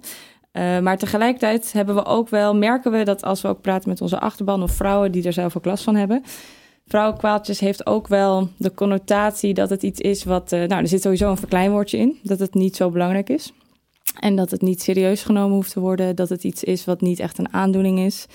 Ehm, dus we, we vinden het eh, eh, toch altijd belangrijk om wel even te zeggen: Nou, het is goed, maar we zetten hem even tussen, tussen aanhalingstekens. Ja. Ja. Ehm, we spreken zelf vaak van vrouwspecifieke aandoeningen. Hm. Eh, maar dat is wat dan weer niet zo sexy en niet zo makkelijk eh, te, Vrouwenkwaaltjes benoemen. spreekt wel meer tot de verbeelding. Precies, misschien. tot de verbeelding. Ja, maar En misschien de, net de verkeerde triggers in de verbeelding. Nou ja, zeker op het moment dat je het eh, wel echt met, de met specialisten of met de zorg er zelf over hebt, eh, eh, dan, dan kun je, ja, dan kan het gevolg zijn dat het minder serieus genomen wordt en dat er ook minder ehm, onderzoek naar gedaan wordt of minder kennis over is. Ja. Ehm, maar om even terug te komen op wat zijn vrouwenkwaaltjes. Ehm, Ik denk dat het eigenlijk alles kan zijn, vaak wat met de hormonen te maken heeft. Dus daarin zie je inderdaad eh, eh, misschien eh, menstruatieklachten, vrouwen die last hebben van premenstrueel syndroom. Je hebt aandoeningen als endometriose, PCOS, vleesbomen. Overgang, migraine is aan, aan de hormonen gerelateerd. Hoeft niet voor iedereen, maar kan wel ook aan je, aan je cyclus verbonden zijn. Ehm, en daarnaast heb je ook nog overgang, maar natuurlijk ook zwangerschap. Precies. Zwangerschap is wel een typische vrouwkwaal. en gewoon een heel normaal iets natuurlijk. Dus dat is ook met, met zwangerschap het lastige. Je kan klachten hebben. eh, en dat, dat, maar je zwanger zelf, zwa- zwangerschap zelf is niet per se een, aandoening of zo. Dat is natuurlijk gewoon iets heel natuurlijks en eh, normaal. Eh, maar de, de klachten die je bij hebt, die kunnen voor, heel, voor vrouwen heel verschillend zijn. En die worden wel in, in, in veel situaties vaak niet zo serieus genomen. Of vrouwen horen vaak, ja, vervelend dat je misselijk bent, maar het hoort erbij. Hè? En je krijgt er zoveel voor terug. En eh, weet je, het is, je moet er maar even mee dealen, negen maanden lang soms. Ja. Eh, terwijl het mag best wel wat serieuzer genomen worden. En dat is inderdaad waarom ik denk in deze podcast ook... eh, de, de aanhalingstekens moeten jullie als luisteraars even bijdenken... als we het hebben over vrouwkwaadjes. Want we nemen ze wel heel serieus. Ja. Want dat is gewoon heel... eh, ja, het heeft heel veel impact op je leven en op je werk ook. Kan het hebben. Dus het is goed dat we het er vandaag over hebben. lastige term, bedenk ik me nu, omdat het ook helemaal niet inclusief is voor Nee. trans mensen. Ja, precies. Terwijl we snappen allemaal Zeker. wel wat we Ja. bedoelen. En Ja. tegelijkertijd is het gewoon niet handig. Nee. Maar Nee. Misschien is het soort Laten we dat open ook- contest. Ja, ja, ja, ja, wat ja. je denkt van wat zou een goede... Nou, en laat het een disclaimer maar- voor vandaag zijn dat op het moment dat we het Ja. hebben- even hebben over zwangere vrouwen, dat we zwangere mensen bedoelen. precies. Dat we mensen met, eh, dat, dat kan er bij ons ook nog wel eens in Ja. slippen, maar ja, Ja, daar dat- zijn we ook van. Dan krijg je natuurlijk ook met het vrouwspecifieke Ja. aandoeningen. Zeker, Heb je is ook lastig. Ja, dus dan zou je al gaan naar hormoonspecifiek. Maar ja, dat maakt het nog, nog lastiger. nog lastiger en een meer scrabblewoord dan, eh, dan makkelijk eh, te gebruiken. Ja. Ja. Ja, vrouw, heb jij last van vrouwenkwaaltjes, Marilot? Heel veel last van vrouwenkwaaltjes. Hij is Ja, een lopend vrouwenkwaal. grote vrouwkwaal. nee, met, eh, met, eh, met eh, menstruatie. Ik heb, er, ik heb er volgens mij regelmatig over gepraat, ook in die podcast. Men weet alles rondom mijn menstruatie. Maar het is echt... Vroeger was het al de hel. En eh, ik las ook een aantal... ehm, eh, ervaringen ook van mensen die, die het instuurden over eh, eh, vrouwen die dan zeggen: Ja, ik moet echt met een handdoek eh, ehm, op, op mijn werk gaan zitten, want ik ben bang dat ik doorlek of zo. Dit had ik op school altijd, dan bond ik, ja. een, bond ik een vestje om of zo. Altijd bang dat ik doorlek. Veel ehm, last van, wel last van kramp, maar eigenlijk nog meer last van donkere gedachten en somber en heel veel huilen. En daar, ja, dat merkte ik in de. ehm, in de ervaringen al dat eh, als je nou nog fysieke klachten hebt, is het ergens nog wel een soort van eh, te verantwoorden bij je werk. Maar als je in je hoofd eh, het zwaar hebt, dan, dan, dan zeg je dat niet. Want dat hoort erbij je een beetje somber voelen of zo. Dus ja, ik heb dat wel. En heb je er vroeger wel al, of, of later, was je er zelf van bewust dat je dacht, hé, hey, misschien hoort dit er niet per se helemaal bij, of heb ik het heftiger dan andere mensen? ik heb nog Of- steeds een beetje eigenlijk omarmd dat het er wel bij hoort. Mm. En ehm, ehm, wel nu ontdekt dat, eh, dat de spiraal bijvoorbeeld heel veel invloed erop had. Dat ik daar helemaal niet goed op ging. Mhm. Oh, juist niet. Nee, en dat, eh, dat, ik, dat het nu zo draaglijk mogelijk voor mij is, omdat er helemaal, omdat ik niks heb. Mhm. Dus nu ben ik gewoon twee, drie dagen huilerig en somber. Maar dat is het dan. En daar kan ik heel goed mee dealen nu. En het scheelt ook wel dat ik eigen baas ben. Dus ik kan gewoon zelf een beetje naar omheen plannen. Ja. Zeg maar, ik, heb, ik heb mezelf best wel in een luxe positie zitten nu. Want ik Ja. kan er goed mee omgaan. Maar eh, ik kan me alleen maar voorstellen dat als je, op, ehm, als je in loondienst bent... en zeker als je een baan hebt als... eh, ehm, eh, eh, er in En winkel. of- cashieren Ja, en achter de bar staan. Dus Ja, dat als je gewoon diensten moet Ja, draaien. Ja, en heel veel vrouwen werken in de zorg. En daar Ja. is het best wel ook een, een plek waar, wat denk ik ook heel veel vrouwen doen, is zichzelf op een tweede plek zetten. En vooral op andere prioriteiten geven. Ook je kinderen of je partner. Of Ja. dus als je in de zorg werkt, patiënten. Die natuurlijk ook heel belangrijk zijn. Maar die, dat je gewoon doorgaat. En dat je ook nog je schuldig voelt eh, als je bijvoorbeeld je ziek meldt en dat je collega's het dus veel Ja, drukker ook bij het krijgen. onderwijs bijvoorbeeld. Ook bij het onderwijs. Ja. Dus dat zijn allemaal van die omstandigheden die maakt dat je jezelf gewoon een beetje wegcijfert en denkt, nou, ik deal er maar mee en het is maar menstruatie of het is maar een klacht van zwangerschap. Het hoort er inderdaad bij of zo. Mensen nemen het ook niet zo serieus. Dus dat zijn allemaal van die lastige dingen die je, waar, waar je mee te maken krijgt. Waardoor je jezelf eigenlijk niet belangrijk genoeg maakt en het ook niet het gesprek aangaat met, met je collega's of met je werkgever. Ja, want dat of is zo. het. Je praat er soms ook gewoon niet over. En eh, dat merkte ik ook Ja. met de reacties heel erg. Dat er gewoon, nee, ik, ik heb het er gewoon liever überhaupt niet over. Want ik kan me niet Mm. voorstellen dat er goed op gereageerd wordt of zo. Eh, ja, daar kan ik me ook wel weer heel erg in vinden. Dat je het gewoon maar niet zegt, want het hoort erbij. Maar heb jij wel eens eh, voor een baas gewerkt en dat het dus een issue was? Of heb je het eigenlijk altijd een beetje in deze positie? eh, Nee, want ik heb er in loondienst eigenlijk nooit per se over gehad. Daar kon ik wel, zeg maar, ik ben wel altijd vrij vocaal geweest. Dus ik kan wel echt gaan kreunen en zuchten en zo, dat ik het zwaar heb. En ik kon ook wel soms dan zeggen, ik ga eerder naar huis, voel me echt niet lekker of zo. Maar eh, ik ben nooit in een positie geweest dat ik dacht, ik kan er nu, ik kan nu echt, dan ga ik gewoon naar mijn werk. Dat, Ja. dat, dat, eh, want ja, ik heb ook heel lang gehad, je moet je niet aanstellen, het hoort erbij, het is kut, maar het hoort erbij. En ik ben het daar nu niet helemaal meer mee eens. Ik vind al- al- als het mogelijk is, zou je eigenlijk thuis moeten kunnen werken. Dat soort eh, maatregelen. Je zou er gewoon over moeten kunnen praten Ja. met je baas. En dat gevoel Ja. heb ik nooit gehad dat dat, dat dat echt iets is wat kan. Je Nee, moet daar wel een hoop drempels voor over, wil je dat doen. Ja, het lijkt in heel veel gevallen, wat wij ook van veel vrouwen horen, is dat, ze, dat je je dat deel van je, van je zijn, van je vrouw zijn, thuis moet laten. Ja. En je moet naar je werk komen als gewoon eh, gezonde werknemer. En eh, je moet gewoon kunnen doen wat je wil. En die andere dingen moet je maar gewoon, ja, dat is iets van je privé of zo. Maar Ja. dat is niet zo te scheiden. Je privé en je, je gezondheid is altijd bij je. Dus dat zijn van die dingen die, die gewoon echt onderdeel moeten zijn van de gesprekken die je kan voeren op je Ja, werk. maar het is zo lastig, want je wil geen last Nee, zijn. precies. Je wil ook nog, ja, en dat is ook waar waar veel, wat ik weet van zwangere vrouwen, dat ze ook nog denk, al denken van, oh, het is al lastig dat ik zwanger ben, want ik ga met verlof. Dus ik ben straks een aantal maanden weg. Ehm, dus ik wil ook niet nog lastiger zijn of zo. En ik wil gewoon, en ik wil ook nog eens gewoon mijn- contract houden. Dus ik wil me ook bewijzen. Dus ik Ja. wil, eh, en daar hebben we natuurlijk ook, het is nu trouwens de week van zwangerschap en werk. Dus we geven heel veel aandacht aan dat onderwerp. Eh, en we hebben heel veel reacties van vrouwen die te maken krijgen met zwangerschapsdiscriminatie. Dus waarvan contracten niet verlengd worden. Dus als je dat gevoel, gevoel hebt dat je dat risico loopt, ja, dan ga je misschien ook niet zeggen dat je ook nog eens je fysieke eh, gesteldheid niet helemaal is zoals die was daarvoor.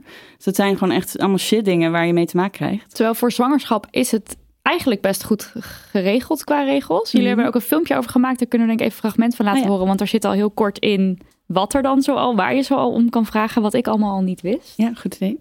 Oké, laten we nog even één keer doornemen wat je dadelijk gaat eisen. Ja, ik ga hem zeggen dat mijn werk rekening moet houden met mijn zwangerschap. Dat ik recht heb op flexibele werkuren, een verstelbaar bureau, een afgesloten ruimte om te kolven en een bank om op te rusten. Over. Oh ja, en als hij daar niks van wil weten? Dan komen jullie via het raam binnengevallen en dan dwingen jullie mijn baas om rekening te houden met mijn zwangerschap. Precies, ja, over. Hoe gaan jullie dat precies doen? Maar eh, dit, zijn dit, dit zijn allemaal dingen die je echt kan eisen. Hoe, is- het klinkt, Ja. klinkt als heel veel. Ja, er zijn heel veel. Er is op zich vanuit de overheid dan best wel wat geregeld van rechten die je hebt als vrouw. Eh, dus dat is heel fijn. Eh, alleen merken we dat er gelukkig ook werkgevers zijn die dat allemaal gewoon eh, aanbieden en er goed voor zorgen dat dat allemaal geregeld wordt. Maar eh, we horen ook van, we hebben ook onderzoek gedaan onder werkgevers en die geven nog wel eens aan dat ze denken, als ik het bekend maak binnen de organisatie, dan gaan ze er ook gebruik van maken. En dat is niet de bedoeling. Dat is niet de bedoeling. Dus hetzelfde, dat horen we ook wel eens over verlofregelingen, bijvoorbeeld eh, partnerverlof of ouderschapsverlof of zo. Van ja, dat ga ik niet te veel vertellen aan mannen, want straks gaan ze het ook gebruiken. Maar dat is natuurlijk een hele kromme beredenering vanuit die werkgever. Dus het, is, het zijn dingen waar heel veel vrouwen zich niet bewust van zijn, omdat ze het niet horen vanuit hun werkgever. Het is niet iets wat soort van in de Linda staat of zo, Nee, denk ik. waarom niet Linda, als Ja. je luistert? Zoiets is dat, ze- of, ja, of het moet meer bekend worden, denk Ja. ik. En daarom eh, hebben we ook deze week georganiseerd. En eh, geven we er echt aandacht aan, zodat je ook als vrouw weet... oh, hier heb ik recht op en hier kan ik gewoon naar vragen. En eh, ja, dat, dat is denk ik een heel belangrijk En zijn er dan ook voorbeelden van vrouwen die dan het verhaal met jullie gedeeld hebben over dat er, dat er geen rekening gehouden wordt met specifiek zwangerschap? Ja, absoluut, ja. ja. En aan wat voor dingen moet ik dan denken? Ehm, een vrouw die, eh, zij had dan specifiek last van een bekkeninstabiliteit. Oh ja. Ehm, en haar werkgever, dat vertelde haar werkgever, maar die wilde in eerste instantie ook zich daar niet echt in verdiepen. Die dacht, oh ja, zwangerschap, dat is iets vrouwelijks. Ik weet niet, was een mannelijke werkgever. Ehm, en die, dat moet je oké, het zal wel. Eh, maar zij had eigenlijk heel concrete vragen als een, ik moet een, eh, verstelbaar eh, bureau Oh, hebben, ja. zodat ik staand kan werken als dat nodig is en zittend als dat nodig is. Ehm, en dat was iets wat niet geregeld kon worden. En ze, werd, ze heeft daar een aantal keer om gevraagd en toen begon ze lastig te worden. En nou ja, uiteindelijk heeft zij zelfs ermee te maken gehad dat ze en is uitgevallen, dus eerder met verlof is gegaan. Ehm, en is, ook niet meer, is haar contract niet meer verlengd. Dus dat is helemaal echt eh, verkeerd uitgepakt. Maar ja, er zijn jaarlijks 60.000 vrouwen die met een vorm van zwangerschapsdiscriminatie te maken hebben. Wow. En dat heeft dan heel vaak eh, met dat verlenging van contract te maken. Maar daar, wat eraan vooraf gaat, is vaak wel dat je zwangerschap niet goed te combineren is met je werk of de klachten die je hebt. Dat je bijvoorbeeld eh, flexibele uren wil, wat we al zeiden, wat gewoon heel veel kan helpen. Dat je iets later begint. Of dat je wat eerder naar huis kan of wat meer pauze kan nemen. Allemaal dingen waar je dus recht op hebt. Ja. Maar Ja, ze had het ook over meer pauze, toch? ja, Dat ze- meer pauze. Ja, precies. hoeveel, waar, waar moet ik dan aan denken? Ehm, volgens mij mag een achtste van je werkdag. Dus Ja. bijvoorbeeld een uur als je acht uur eh, werkt. Is wat je extra kan eh, opnemen. Oké, wat ja. je, naast nog je reguliere ja. Lunchpauze. Ja, en dit is dan doorbetaald. Dus het is niet zo dat eh, bij sommige plekken is lunchpauze niet doorbetaald, maar dit is gewoon iets wat je, wat je doorbetaald krijgt. Dus dat zijn allemaal eh, best wel fijne dingen waar je recht op hebt. Maar het betekent natuurlijk wel ook dat er, als je eh, misschien als je in een winkel werkt, dan heb, werk je gewoon een uur minder.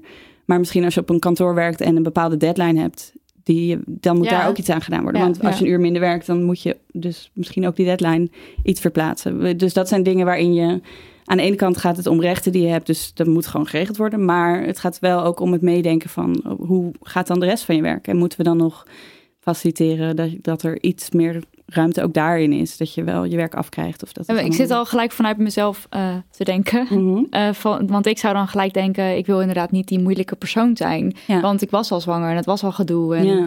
en dan moet ik ook nog om dat uur vragen. Ja. Maar wat voor, ja... het- ja, wat eh, is eigenlijk daar een soort je- advies voor of zo? Ja, eigenlijk ligt dan ook wel, dat proberen we ook wel aan te geven, dat dan wel de verantwoordelijkheid ook een beetje bij de werkgever ligt. Ja. Om te laten zien, Ja.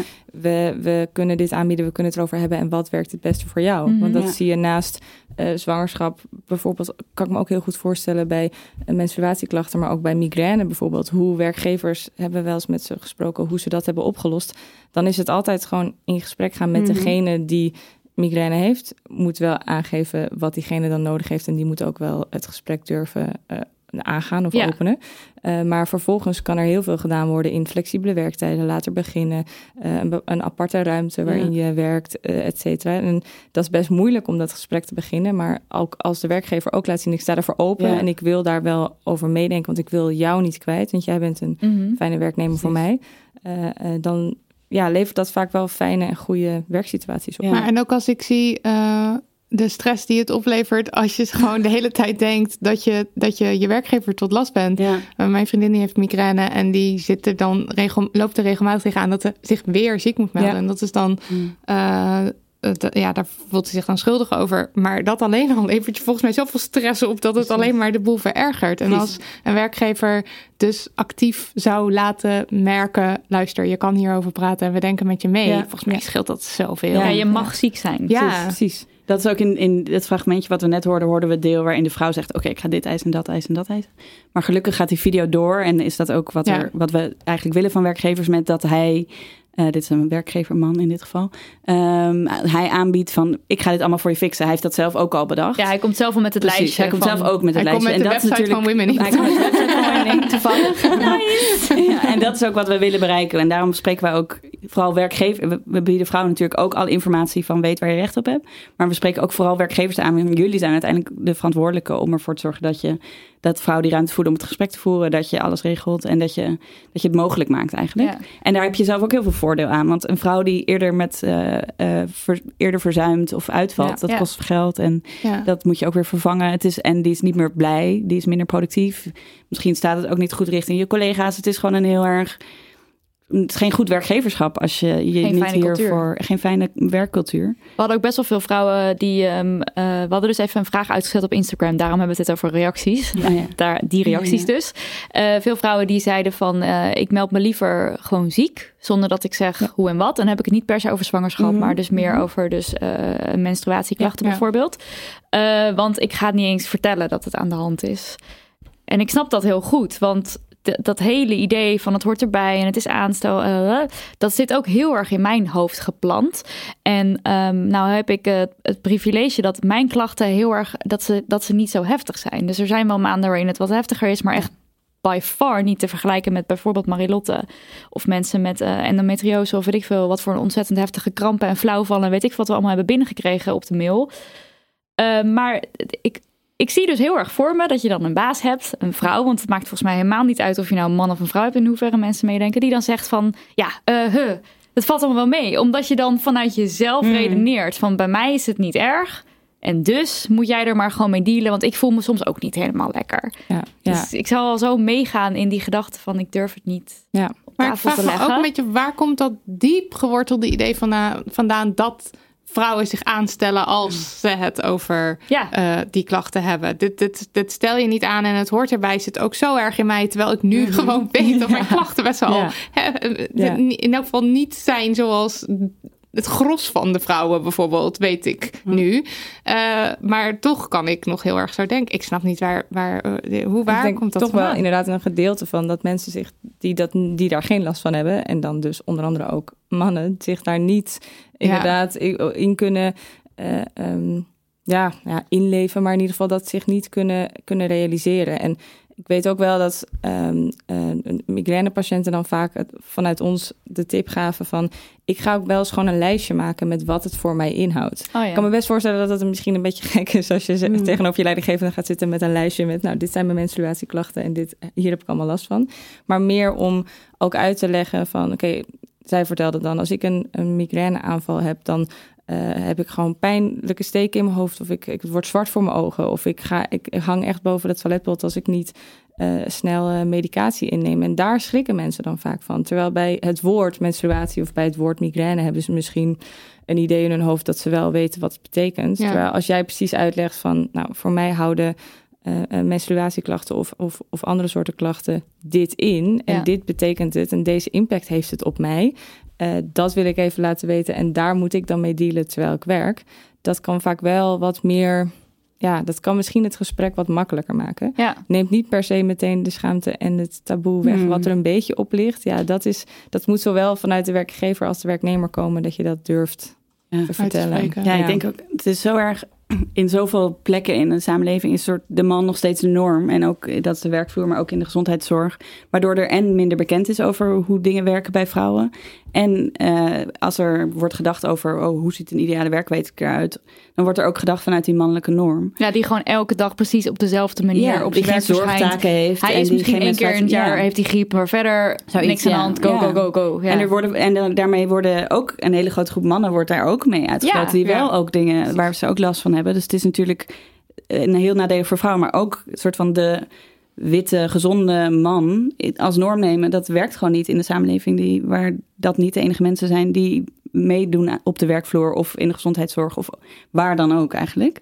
Dus dat is denk ik een hele grote soort van een nieuw perspectief wat moet doordringen op mensen. En dat, dat is nog niet. Dus daarom is er nu nog een soort van, denk ik ook, is het een beetje zo'n ruw randje met een. Hm. Als je van je werkgever gaat verwachten dat hij gaat praten over de overgang. Ja, dat is ook, dat voelt ook een beetje gek of zo. Maar ja, misschien hoop ik dat dat stap voor stap steeds normaler wordt. En dat je als werkgever weet van iedere. Je zet je werknemer centraal. En eigenlijk is dat wat die persoon is. Of het een vrouw is of niet. Of eh, wat, wat voor gezondheidsklachten ze wel of niet heeft. Of, eh, of ze kinderen heeft of niet. Of eh, mantelzorg, whatever. Dat is gewoon een. Iedereen is een, daarin. Het is echt maatwerk om te kijken wat die persoon dan nodig heeft. Ja. Ja. En dat is denk ik wat sommige bedrijven al heel goed doen.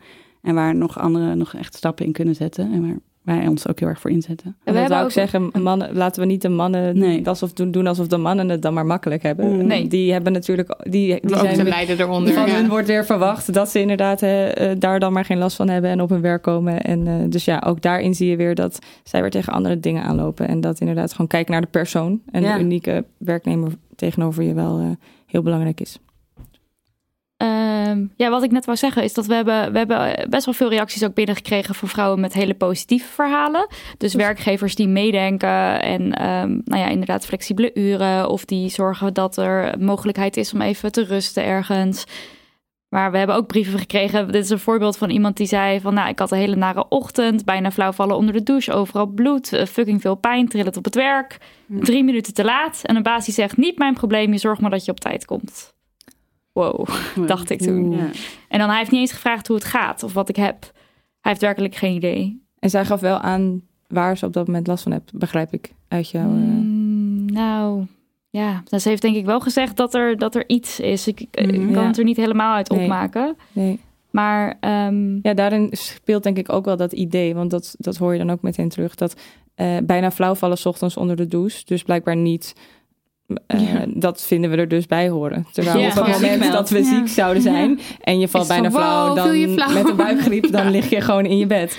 Eh, en ik kan me natuurlijk heel goed voorstellen, want ik, ik ja, ik, ik bedoel, ben zelf ook een vrouw en ik weet ook eh, ja, dat je er al jaren mee inderdaad dealt. Je vindt een manier, je weet wanneer je je misschien wat minder voelt en wat beter voelt. Maar dat je echt ook wel op zo'n moment zou mogen zeggen: Ik ben er over een uurtje, ik moet even kijken of het wel gaat, want ik voel me gewoon niet goed. En Ja. eh, ja, bedoel, op het ene moment meld je je misschien ziek. En op het andere moment eh, denk je misschien op een gegeven moment... ik ga tegen mijn leidinggevende zeggen dat ik hier gewoon vaker last van heb. Ja. Het hoeft ook niet meteen altijd de, de hoge baas of de directeur te zijn. Maar als het maar een, een collega of je leidinggevende is... die je in vertrouwen kunt nemen... tegen wie je kunt zeggen... eh, oké, dit is waar ik last van heb... en ik merk dat, het gewoon, dat ik daar wat voor nodig heb... of een, of een verandering voor nodig heb. Ja, en het is ook het is gewoon heel vervelend als je als het zoveel jaren duurt voordat je een manier vindt om daarmee te dealen. Want op het moment dat je erover kan praten, op het moment ook dat je eh, dat artsen het serieuzer nemen. Mm. Want daar hebben we ook Ja. veel reacties over gehad. Ja. Hoor, dat de Mm. artsen gewoon zeggen, nou, hoort erbij, stel je niet aan. Eh, ik las ergens dat ehm, de diagnose, eh, dat de eerste klachten van endometriose en dan eh, de tijd tussen de eerste klachten en de diagnose 8,5 jaar is. Maar Ja. dat is dus ook gewoon dat het niet gemiddeld serieus 10 jaar. Het verschilt een beetje welke cijfers. Ja, het is echt heel, heel lang. Eh, het probleem daarbij is ook dat ehm, ehm, lang niet alle vormen weer goed te zien zijn op een echo. Kan je uitleggen wat het is voor mensen die denken, huh? Eh, ja, ehm, endometriose is dat eh, slijmvlies wat lijkt op baarmoederslijmvlies buiten je baarmoeder voorkomt. Dat hecht zich vaak aan andere organen, meestal vaak onder in je buik. Dus denk bijvoorbeeld aan je darmen. En op het moment dat je ehm, eh, ongesteld bent of menstrueert, doet dat vaak heel veel pijn. Ja. Ja. Ehm, lastige daarin dus is dat het vaak lijkt op buikpijn. Menstruatiekrampen. Mhm. Menstruatiekrampen. Maar die dan heel heftig zijn. Ja. Maar waarvan je vaak wel denkt, Hoort erbij. Het zal er wel bij Mhm. horen. Ehm, en het lastige daarvan is dus ook dat, het, eh, niet, dat er verschillende vormen zijn. Dat het dus niet altijd goed op een echo te zien is. Dat ook niet altijd huisartsen of eh, gynaecologen er voldoende op aanstaan om wel te denken: goh, het zou ook dit kunnen zijn. Ehm, er zijn wel behandelingen en operaties, maar ook daarin zijn ze eigenlijk nog. Ze moeten nog veel meer onderzoek doen naar wat is de oorzaak en wat kunnen we er tegen doen. Ehm, ik heb wel laatst een huisarts gesproken die eigenlijk heel goed een, een nascholing had gevolgd. En die zei: Ik sta er nu wel veel meer op aan. Want op het moment dat ik nu een vrouw binnenkrijg met eh, eh, buikklachten, die al vaker terug is gekomen, die bijvoorbeeld een diagnose van een prikkelbaar darmsyndroom heeft gekregen, maar waar daar verder geen oplossing meer voor heeft gevonden. Eh, en die toch weer terugkomt en die zegt: Ik heb er elke maand last van. Dat ik toch meer aansta en denk: Oké, ik ga een aantal vragen stellen. Eh, eh, heb je wel eens pijn bij het plassen? Heb je pijn bij de seks? Dat zijn allemaal van die dingen die toch kunnen aangeven dat het misschien endometriose zou zijn. Ehm, dus wat dat er gaat, is het ook een hele onzichtbare en nog slecht ja, te vinden eh, ziekte. Terwijl het aandoening. eh, een aandoening is bij, die bij 1 op de 10 vrouwen voorkomt. Las ik dat goed? Ja, alleen heeft niet iedereen er zoveel last zoveel van. last van. Ja. Ja. dus je kan het ook, en dat is wel met meerdere hormonale aandoeningen, zo net als met bijvoorbeeld eh, vleesbomen of eh, PCOS. Daar, daar kun je, dat kun je hebben, maar daar kun je geen klachten van ervaren. Of je kunt het hebben en je kunt er heel veel pijnklachten van ervaren. PCOS, dat zijn kiesten op de eierstokken, Precies, toch? Ja. ja. En ik las dus ook dat dat dan weer gepaard kan gaan met diabetes bijvoorbeeld. En dat dat dan ook weer een hele spe- vrouwspecifieke aandoening is waar mensen niet op aanstaan. En Nee. er staan, want in dat opzicht zijn, zijn, is er nog gewoon heel veel onderzoek te doen naar het vrouwenlijf. Ja, naar, zeker. Nou, nou ja, Ja. vrouwenlijf. Mensen met een baarmoeder. Ja, ja precies. Ja. Of, of naar hormonale aandoeningen, Ja. als we ze zo moeten opnoemen. Ja, want van oudsher is dus voornamelijk medisch onderzoek gedaan op het mannenlichaam. En dat zie je nu veel terug nog in het feit dat we minder weten over vrouwspecifieke aandoeningen en minder ook wel weten over hoe bepaalde aandoeningen zich in vrouwen uiten. Dus bekende voorbeeld is dat veel hartinfarcten worden gemist omdat vrouwen andere symptomen kunnen hebben of dat anders uiten. Uh, um, dus aan de ene kant wil je daar meer onderzoek naar en daar meer over weten. En aan de andere kant wil je dus meer weten over die, ja, die verschillende vrouwspecifieke aandoeningen waar langzamerhand wel mensen zich voor inzetten en meer onderzoek voor komt. Maar dat kan echt nog een stukje Heel sneller gaan. ja. Ik las toevallig vorige week nog in de Volkskrant dat eh, vrouwen blijkbaar de helft van de hoeveelheid Ja, mhm. hartmedicatie hoeven te slikken dan Ja. gedacht werd. En dat zij eh, vrouwen ook vaker last hebben van allerlei bijwerkingen. Maar hoe, hoezo doen we geen onderzoek op vrouwen? Het is niet zo moeilijk, zou je denken. Nee, ja, van oudsher komt dat, komt het voornamelijk voort uit twee dingen. Je hebt een hormoonschommelingen waar je rekening mee moet houden. Eh, dus dat is... eh, Moeilijk. Moeilijker, lastig ja. ja, dus daar, daar moeten ze dan rekening mee houden. Stel je gaat inderdaad bijvoorbeeld geneesmiddelen ehm, testen, dan moet je weten, oké, welke invloed heeft die hormoonspiegel daar dan op? En de kans op zwangerschap. Het zijn natuurlijk in de jaren zeventig een aantal onderzoeken flink fout gegaan met waar zwangere vrouwen aan meededen. Eh, dus dat zijn twee factoren waardoor dat veel minder is gebeurd. En tegenwoordig, eh, sinds de jaren negentig, gaat het echt al wel een stuk beter. Moet een patiëntenpopulatie van het onderzoek ook wel echt gewoon een afspiegeling zijn van hoe ziet de patiëntenpopulatie eruit. Dus hè, hoeveel mensen, mannen hebben, hoeveel vrouwen of hoeveel mensen hebben last van iets. Ehm, maar je ziet toch ook vaak nog wel inderdaad ehm, eh, bij geneesmiddelenonderzoek heb je allemaal verschillende fases en dan worden vrouwen vaak pas aan het einde geïncludeerd. Of onderzoek op het gebied van bepaalde medicatie is al jaren oud en daar is dus nog niet Oh ja. nieuw onderzoek Ja. naar gedaan. Ehm, en dit ging ook specifiek, wel interessant, het ging over een richtlijn. Dus ik sprak toevallig maandag twee andere cardiologen daarover.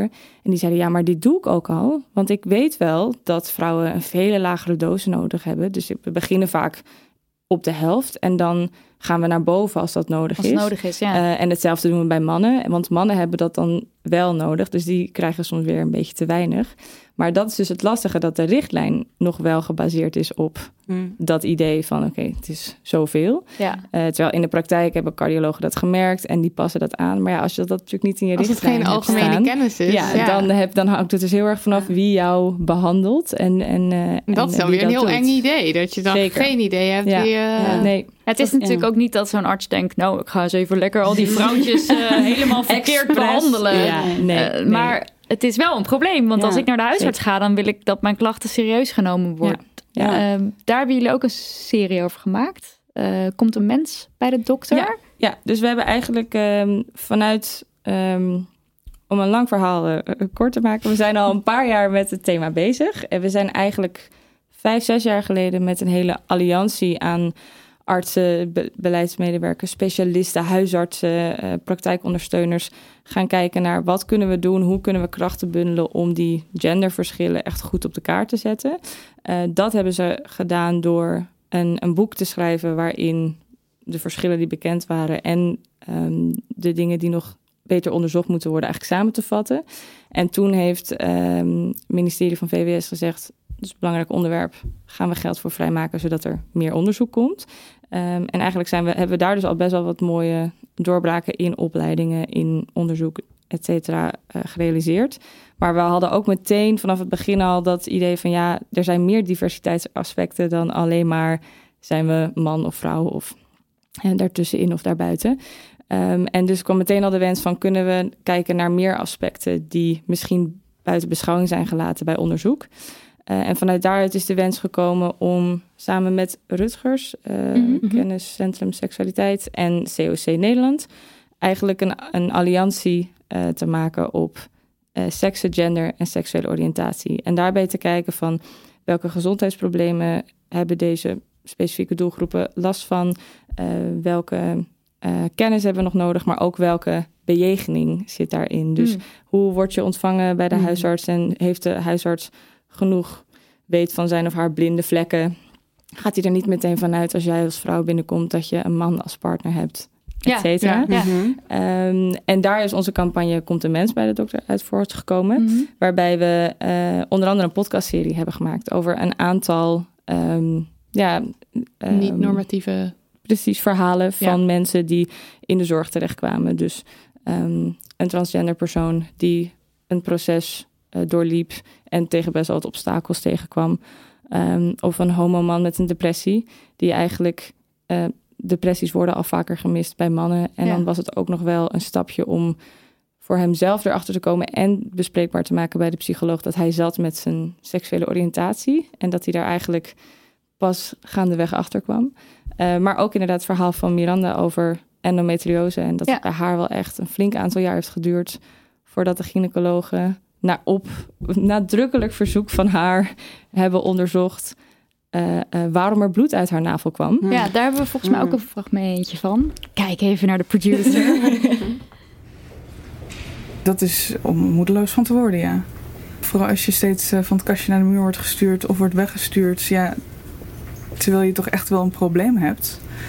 Waar eigenlijk niemand goed naar luistert of in ieder geval niet weet wat ze ermee moeten. En je daarom maar wegsturen.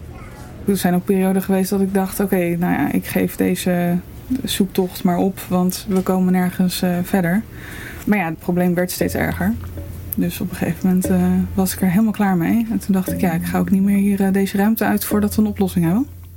Zij is dus echt op de strepen gaan staan. Ja, ja zij heeft eh, eh, verschillende keren bij de huisarts en de gynaecoloog geweest. ehm, omdat ze bloed uit haar navel had. De eerste keer dat ik het hoorde, was ik eigenlijk heel verbaasd. Ik dacht, Ja, ik ook hè? hoor. Kan Ja. dit? Ja. Oh, oké. En, en toen kreeg ze dus inderdaad te horen... ja, je zult in je slaap wel krabben aan een wondje wat steeds Oh my open gaat. Wat dus eh, al een paar jaar duurde. Eh, wat een hele vervelende situatie ook voor haar werd... omdat ze eh, dus en inderdaad van kastje naar de muur werd gestuurd... maar wel altijd last had van een plek die ze moest bedekken... of waar je een, een, een gaasje of et cetera... Dat, en ze voelde zich er natuurlijk ook helemaal niet prettig bij... Ehm, en op een gegeven moment eh, had ze zelf door. Ik denk toch dat het te maken heeft met mijn cyclus, want het bloedt meer Oh, en ik heb ja. last van. eh, ook dat ze daar zelf pas, nou wel een tijd, na een jaar of twee jaar, denk ik, dacht: oh, het heeft eigenlijk wel waarschijnlijk te maken met mijn menstruatiecyclus. Ja. En toen is ze bij de gynaecoloog op de strepen gaan staan en heeft gezegd: de volgende keer, want toen had ze precies een, ehm, een bezoek bij de gynaecoloog. Toen het niet bloedde. Oh, dus ja. dat was zo'n moment dat ze dacht: waarom vandaag? Ja. Eh, en zei ze, nou, ik ga niet weg. eh, of ik, ik vind het prima om weg te gaan. Maar de volgende keer dat ik bloed uit mijn navel heb... dan wil ik een spoedconsult Mhm. kunnen krijgen. Nou, na veel gemor is dat gelukt. En toen is ze meteen de volgende keer gegaan. Toen hebben ze bloed afgenomen. Dat hebben ze getest. En het bleek menstruatiebloed te zijn. Ja. En toen zei de gynaecoloog... oh, ja, je had, Toen is het gaan je had rollen. toch wel gelijk. Want Mm. zij had in haar hoofd al wel... ze had wat gegoogeld en ze had bedacht... Zij had al bedacht, het en is misschien- het is waarschijnlijk endometriose... Ja. wat dan vrij hoog is gaan zitten. En ja... Dit hele verhaal doet me heel erg denken aan een eh, verhaal wat wij dit weekend hoorden. Marilotte en ik waren op bezoek bij Annika Mel ehm, om haar, met haar te praten over eh, onzichtbaar ziek zijn. Ze heeft meerdere diagnoses die niet heel serieus genomen worden, of tenminste, het hangt van de arts af. En toen zei zij, op het moment dat een arts eh, niet weet wat het is, dan ben je eigenlijk niet ziek. Want ze kunnen het niet fixen. Ja. En dus ben je niet ziek. Ja. En dat doet me hier zo aan denken, omdat jij zegt, ja, je zal wel krabben. Je, zo van, Ja. je zal wel, het, het Ligt niet bestaat aan niet. ons. Het- Nee, wij wij Nee. kunnen niks doen. En Maar het terwijl er niet. hier gewoon iets getest wordt, ehm, want daar had Annika het ook over. Op het moment dat er een biomarker is, op het moment Ja. dat je dus kunt aantonen dat er iets aan de hand is, dan opeens word je weer serieus Ja. genomen. Ja. En dit is dus, er wordt hier aangetoond eh, op, op, op aandringen van haar en dan opeens Ja, maar dit valt dan dus nog aan te tonen. Maar Ja. als je dus fibromyalgie Zeker. hebt, daar hebben we ook een bericht over Ja. gekregen van iemand. Ja, mijn mensen nemen mij gewoon niet serieus, Nee. terwijl ik ontzettend veel pijn heb. Ja. Eh, en daar zei eh Hanna Bervoets iets moois over Mm. in de zomergastenaflevering. Eh, van over een aantal jaar, over twintig jaar of zo, schamen we ons kapot dat we dat, dat, we ons, dat, dat we dat niet serieus namen. Zeker. En dat zijn ook wel vaak weer vrouwenkwaaltjes. Ja, dus fibro- fibromyalgie of ja. ME of nou ja, Komt vaker bij vrouwen voor. Ja. Ja. Ja.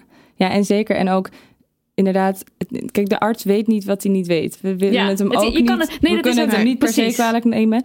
Maar het is wel zo dat dit laat zo zien dat er echt nog wel gewoon meer onderzoek, meer kennis nodig is. Er is gewoon, er is meer nodig. Op het moment dat, die, dat Miranda in de echo lag, werd er dus niks gezien. Op het moment dat bloed werd getest, werd het dus wel gezien. Waarom heeft daar zo lang tussen Ja. gezeten? Waarom, Ja. heeft dat niet, waarom was daar niet een andere oplossing? Eh, en waarom ehm, wordt er inderdaad minder opengestaan als iemand echt zegt... Want iemand gaat daar zelf ook mee aan de slag. Je bent Mhm. zelf ook heel lang Je bezig kent je met eigen dat idee lichaam van... ook. Ja, ik, dit is niet goed. En er moet, ik wil graag dat iemand naar me luistert en dat iemand met me meedenkt. Ja. Eh, ehm, en dat gebeurt dan toch minder. Ja. Zo, ik vind het zo bizar dat er Alt- Altijd als ik dit verhaal, als ik hoor over de geschiedenis van hoe komt het nou dat we, dat we minder weten over vrouwen. En als je dan dus hoort van, ja, vrouwen hebben een hormoonspiegel. Dus dat maakt dat ze, dat het ze afwijken. En dat denk ik, dan ben je toch als onderzoeker juist soort van, oh interessant, die wijken af. Ja. Oh, Wat hmm. voor invloed heeft dat? Dan Ja. moeten we beter, on- ik snap het Het is paradoxaal dat we zeggen het is ingewikkeld en Ja. dus onderzoeken we het niet. Terwijl Precies. juist daardoor... En Ja. soms kan het ook Ja. de, de, de oorzaak of de reden zijn. Want ik weet ook nog toen we met ehm, de onderzoekers die op migraine zaten praten, dat we ook vroegen: hé, maar hoe kan het eigenlijk dat als drie van de vier mensen, als we het even over vrouwen in vruchtbare fase hebben, met migraine zijn vrouwen. Dus de kans is heel groot dat geslachtshormonen er een rol bij spelen. Daar, daar gaan ze ook vanuit. Maar dat is tot nu toe nog nooit zodanig onderzocht. Nog dat, steeds niet. Dat heeft ook te maken met in de jaren 70, 80 moest eerst nog maar eens helemaal uitgekristalliseerd worden wat is migraine. En dan werd het in de, wat is het, International Headache Society, werd het echt in de geclassificeerd, werd in, de, in, de, in hun richtlijnen gezet. Toen werd er echt onderzoek naar gedaan. Oké, wat is migraine dan? Het lastige daarvan is, de oorzaak is natuurlijk ook nog niet bekend. Dus ze weten ook nog niet precies hoe, hoe ze het kunnen behandelen. En het is Dus ook het- heel moeilijk te onderzoeken, omdat mensen die op, in een aanval zitten, Ja. die gaan Ga echt niet- niet, op nee, dat moment precies. naar het ziekenhuis. Dus daar gaat, en dat is natuurlijk ook logisch, daar gaat het gros van het onderzoek gaat natuurlijk eerst daar naar kijken. Van Ja. kunnen we kijken naar die, naar die oorzaak? Mm. Maar je bedenkt meteen van, maar er moet een link zijn met vrouwen en geslachtshormonen. En ook eigenlijk met mannen en geslachtshormonen. Want ook daar hebben ze wel eens gezien dat mannen met migraine waarschijnlijk een hoge, hogere oestrogeenspiegel Oh, hebben. kijk. Oh. Dus daarin zijn nu een aantal mensen wel bezig. Ze zijn bijvoorbeeld aan het kijken waarom werkt eh, het gebruik van een anticonceptiepil voor sommige vrouwen wel om hun migraine wat meer plat te leggen en bij, bij anderen niet. Kunnen we daar iets uithalen? Ehm, maar ja, je, je kan het je bijna niet voorstellen dat niemand daar eerder zo in geïnteresseerd was en dacht, laten we dat eens uit. Oh, ik dacht dat, dat, dat dat onderzoek volop aan de gang Want het is zo overduidelijk Ja. nu ik met iemand leef die Ja. dat heeft. Het is echt, je, de, de, je, als, je, als je het dossier bij, als je de aanvallen bijhoudt, weet je gewoon, dit heeft met cyclus te maken. Dat kan Ja. niet anders. Ja. Ja, precies. Ja. Maar hoe- Inderdaad ook vrouwen die in de, in de overgang gaan, dat het ook minder kan worden, toch? Ja, dus dat, zeker. het, dus dat is ook zo'n duidelijke aanwijzing. Ja, Of tijdens je of als ze zwangerschap, Of zwanger dat- dat- zijn. ja. Ja. Ja. En over de overgang hebben we het nu niet eens gehad. Maar dat is natuurlijk ook iets waar gewoon heel veel vrouwen Ja. allerlei, Ja. allerlei nou, klachten... of in ieder geval dat je je anders kan gaan voelen... of dat je ergens tegenaan loopt. En dat daar, daar wordt ook altijd lacherig over Precies, gedaan. ja. Ja. Oh, je hebt een hitte. Hoe zeggen mensen dan ook alweer? Opvlieger. Oh, Ja. haha, hihi. Terwijl Ja. het gewoon hartstikke vervelend Ja, is. naarmate ik daar meer over weet, voel ik me ook vaak schuldig over hoe Ja. lullig ik ben geweest tegen mijn moeder of zo. Ja, precies. Vroeger, dat of ik hoe echt ik niet... zelf ook al mijn hitteaanvallen ook opvliegen. Opvliegers Want ik weet eigenlijk vrij precies. zeker dat het, dat het echt niet hetzelfde is. Ja. ja, nee, daar is ook zo weinig over bekend. En, ook, en, en het is ook een taboe om erover te beginnen. Of Ja. het is ook iets waarmee je gewoon privé Net als menstruatie weer eigenlijk. Ja, ja. precies. En dan heb ik ook wel eens aan mijn moeder gevraagd dat zij het ook niet echt iets was wat, wat ze besprak met haar vriendinnen of zo. Dus dat Hmm. het daarin ook nog best wel privé ding bleef of zo. Dus dat zijn echt, ja, toch dan zo'n vrouwen Ja, en bij Eh, zwangerschap ja. bijvoorbeeld weer incontinentie na de zwangerschap. Precies, dat is ook weer zoiets waarvan Ja, mensen dan ook eigenlijk niet... Dat nou je ja, dan niet deelt. Ja. Nou ja, dat, het wordt wel misschien gedeeld, maar het is niet een soort algemeen bekend of Ja, zo. en is het dan dat, er allerlei, dat er allerlei dingen nog aan vast kunnen hangen Ja. aan zwanger geweest zijn. En dat het niet is baby eruit. En je bent nu weer helemaal... Dat kan. En er zijn ook heel veel vrouwen die dat wel hebben. Maar er kunnen ook allerlei complicaties nog Ja. zijn. En misschien omdat het dan toch afdoet aan een soort van het ideaalbeeld van als vrouw ben je eh, sexy en eh, plas je niet in je broek. Ja. En, eh, en een soort van, dus dat wil, daar wil je het liefst ook aan blijven voldoen. En ook als je in overgang bent, dan verandert er ook, veranderen er ook dingen in je lijf en alles. En misschien dat je dat, ik denk dat dat er zeker mee te maken heeft hoe wij soort van ons ideaalbeeld van een vrouw, waar we het eerder ook over hebben, van, dat, dat je daar gewoon aan wil blijven Ja, het is doen. niet heel sexy als je zegt van... Ik, ik, ik- er lekt nu zoveel bloed uit mij, ik moet op een handdoek zitten. precies, ja. Er zijn weinig Nee, mensen die daar heel lekker op gaan. Maar misschien wel realiteit. Maar Ja, wel precies. realiteit. Ja. Precies. Ja, Ja. dus dat is echt een Ja, groot en- probleem. Daniel gaat daar wel lekker op. Oh, tell me more. Ja, en ook dat die, ehm, want ook bij de overgang denk ik weer dat mensen heel vaak denken dat ze wel een beeld hebben bij wat dat inhoudt. Mm. Terwijl, ja, die opvliegers, daar heeft 80% van de vrouwen in meer of mindere mate last van. Maar wij hebben ook vrouwen gesproken die echt zo vergeetachtig worden dat je Mm. denkt, oh, kan me dat, kan me dat overkomen? Of Heel moe inderdaad, ook, of, of, of ja, heel stemmingswisselingen. Donkere gedachten. Moe. Ja. Eh, maar ook inderdaad, eh, inderdaad door die opvliegers nachtelijk zo zweten dat je gewoon eigenlijk maar een paar uur slaapt. En Oh, ja. je wel gewoon de volgende ochtend weer. Ja. Ja. naar werk moet, moet leven, et cetera. Terwijl je eigenlijk dat je dus eigenlijk helemaal niet kan voorstellen. Je denkt altijd, ja, ja, overgang op vliegers. Maar er zit weer zoveel meer aan vast. Ja. ja. Nou, nu doen jullie vanuit Women Inc. al van alles met campagnes en, en, en nou ja, hier informatie over verspreiden. Maar is er iets wat wij zouden kunnen doen? Of wat je De zelf mensen. zou kunnen doen? Je, het gesprek aangaan, dat is wel Ja, lastig. Het is maar... altijd wel, het begint altijd bij maken het bespreekbaar. Dus Ja. bespreek ook. Ik denk ook wel bij eh, inderdaad bij de verschillende vrouwspecifieke of de, de aandoeningen die we hebben besproken. Ehm, net als wat jij net ook zei. Het is vaak zo onzichtbaar. Dus Mhm. vertel aan andere mensen waar jij last van hebt. Op het moment dat je dat wil en op het moment dat je je daar goed bij voelt. Maar vertel ook eens wat het inhoudt. En zodat andere mensen daarvan op de hoogte zijn en zich Ja. daar een beetje kunnen inleven. Want op het moment dat jij er niet over vertelt, ben jij echt de enige Mhm. die zich daar mee bezig moet houden. Terwijl het kan zo makkelijk zijn om het even met iemand eh, te delen. En juist ook door het onder de aandacht te brengen. Want we weten dat 10% van de vrouwen heeft endometriose. 8% van de vrouwen heeft... eh, dit zeg ik uit mijn hoofd, dus het kan zijn dat ik, dat ik, dat ik er een beetje naast zit. eh, eh, heeft, heeft myomen en, en PCOS zit ook rond de 3 tot, tot 5 procent. Dat zijn best wel veel ja. vrouwen die daar, die daar last van hebben. Maar ik ken ze in mijn omgeving niet. Of misschien wel, maar dan vertelt diegene me Nee. dat niet. Nee. Eh, en juist door dat gesprek op, aan- op gang te brengen en met elkaar daarover te praten, kunnen we dat weer beter onder de aandacht brengen. En kunnen we dat hopelijk ook weer hoger in de boom agenderen bij zorgverleners of de politiek. Of, ja. Maar en ook als je erover praat, probeer het niet naar beneden te praten Precies. dan weer. Nee, ja, als jij die zegt, neiging ja. heb ik bijvoorbeeld Ja. wel erg. En ik kan me alleen maar voorstellen dat andere mensen dat ook Dat hebben. Want als de eh, cultuur zo heerst van stel je niet aan en het hoort Mhm. erbij. Ja, en daar ik heb gewoon het niet en dus heb jij het ook Ja, niet. Die precies. Of inderdaad van, oh ja, menstruatie, ja, oh ja, vervelend. Ja, maar en, eh, ik leg mijn, mijn ervaring op jou op, maar Ja. luister Ja. dan ook naar diegene. Migraine Precies. is gewoon een beetje hoofdpijn. Ja. Die stond Ja. ook in onze maar paracetamol. Ja, precies. Neem een paracetamol en door. Ja, precies. Ja, ik of heb dus ook wel niet eens hoofdpijn. Ja. Niet eens de Nee. tijd krijgen om je tampon te verwisselen. Ook al moet je om het uur, dat, eh, om het uur wisselen. Dat soort berichtjes hebben we ook binnengekregen. En dan heb je dus wel meer over bijvoorbeeld als je, als, je cashier bent, dan kan je ook niet even opstaan. Op Nee. een kantoor is dat weer heel anders natuurlijk. Ja, maar- dus het is ook gewoon heel lastig allemaal. Maar je moet echt mensen de ruimte geven, inderdaad. Ook als Ja. ze een verhaal delen, neem het dan. Ook, Neem het serieus. Ga niet inderdaad zeggen: oh ja, het hoort erbij. Dat is echt, denk ik, een zin die we allemaal moeten afleren. Om... Want als we Dus kijken ja. naar arbeidsmarkt, zijn er soorten waar je echt eh, recht op hebt. Met op het- Specifiek. eh, En dan niet op zwangerschap, ja, maar op, eh, in het nou, algemeen. Ja, op andere dingen, op andere vlakken, op wat je zei van zwangerschap heb je, is best wel goed geregeld, maar op andere vlakken eigenlijk. Ja, omdat we er ook Eigenlijk heel niet, weinig nee. meer van weten. Dus Precies, en eh, rond de overgang, ja, je kan natuurlijk naar, naar een bedrijfsarts en als er echt blijkt dat er iets, iets is, of ook met menstruatie zou je misschien ook naar een bedrijfsarts kunnen gaan en die kan dan misschien jouw advies geven en ook de werkgever daarin adviseren. Dus dat is een soort van andere route die je kan eh, bewandelen. Eh, maar er is niet iets heel erg concreets van, nou, als je in de overgang komt, dan heb je hier recht op. We hebben ook zo'n verhaal van een vrouw, wat echt zo bizar is, maar die werkt in het onderwijs en die zei, die, de regels die gelden voor de kinderen op de middelbare school, die gelden ook voor alle docenten, want dan is het eh, gelijkwaardig. Dus je mag niet drinken in de klas en de ramen moeten dicht. Maar zij had heel erg last van opvliegers. En, zij- ijswater. Ja, en Ja. ze wilde gewoon een flesje water kunnen drinken. En dus zij ging naar haar directeur en die, ze vroeg dat. En die zei, nee, daar kunnen we echt niet aan beginnen. Want Nou ja. als we dit doen... Terwijl, en zij had ook zo'n hele goede metafoor van... als je je been breekt, dan mag je een liftpas. En dan mag je met de lift naar boven. Maar waarom mag ik nu niet in de overgang gewoon... En het is ook zo dat je denkt, een flesje water, echt? Is dit waar mensen moeilijk over gaan doen? Ja, terwijl je En zou ook dus een juist... raam open. En een mensen. raam open, ja, precies. Dus echt dat soort dingen. Dus dat je Terwijl denkt, als je het dus openbreekt van... oké, nou, ik heb hier een flesje water. Ik ben namelijk in de overgang. En dat houdt dit en dit in. Je dan heb je het meteen maar weer... Ja, ja. Nou, het is echt ongelooflijk. Leer Ja. dat die jonge kinderen ook meteen maar. Ja. Ja, toch? Ja. Ja, zeker. Ja, omdat er Ja. toch wel voorbij wordt gegaan aan dit soort eh, dingen. Wat voor een invloed het heeft op mensenlevens. Ja. Nou, heel erg bedankt voor dit Heel alles. verhelderend weer.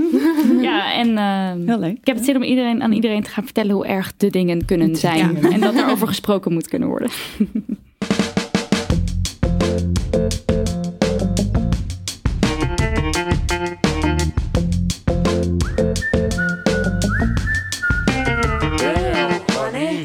Nou Marilotte, het is weer tijd voor de Damn Honey Yes en No. En jij mocht een No met Ik- ons delen. Ik mocht een no of je kiezen. mag dat met ons delen. Ja, ik ga het met jullie delen. Doe het.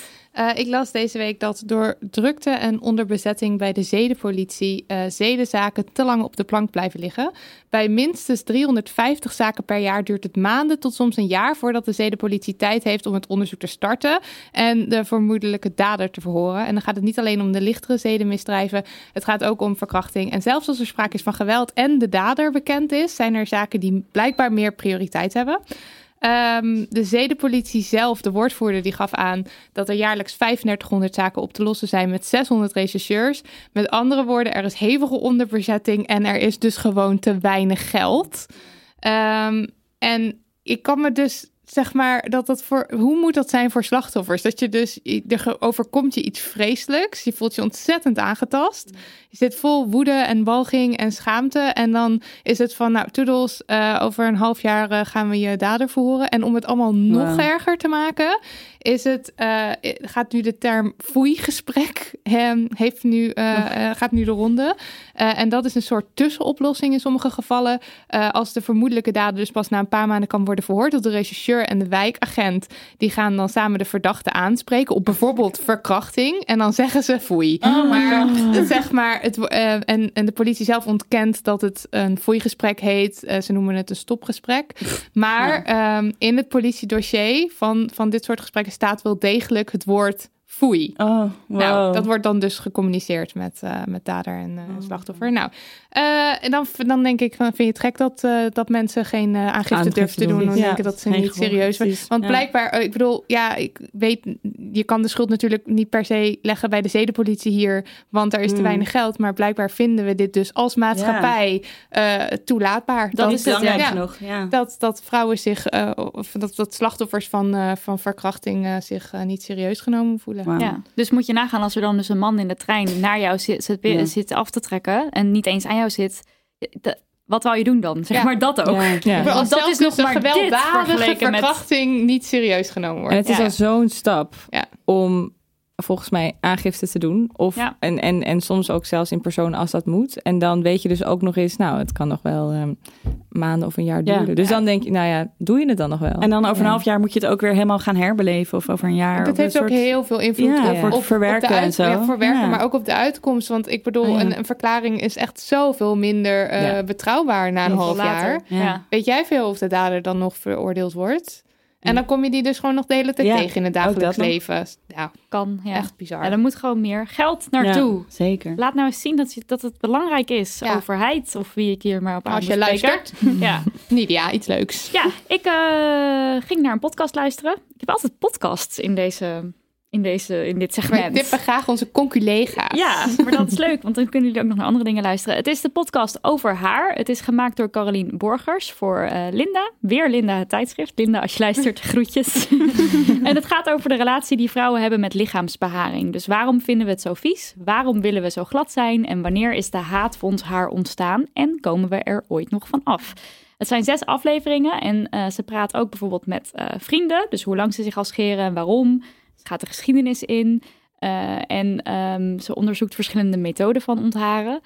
En ik vind, ik vind het razend interessant. Het is zo'n onderwerp in een vrouwenleven. Misschien niet heel bewust, maar het is het wel. Dus ook het eerste moment dat je ging scheren, dat je misschien een scheermesje ging jatten van je moeder, hmm. omdat je dat dan niet kreeg en je wilde het wel, maar je moest het niet doen, want harde stoppels, ja. is het nou wel of niet waar? En dan lees je in al die tijdschriften alle duizenden manieren van ontharen. Je gaat proberen, je krijgt stoppels en het doet pijn. En, uh, al die dingen, die hebben we denk ik allemaal aan deze tafel. We hebben allemaal gevoelens daarover.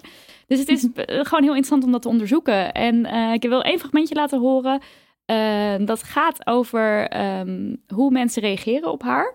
Het schijnt dus, uit empirisch onderzoek uh, is dat gebleken, dat um, vrouwen en mannen uh, lichaamshaar bij vrouwen, dan vinden ze die vrouw minder seksueel aantrekkelijk, minder sociaal en minder intelligent.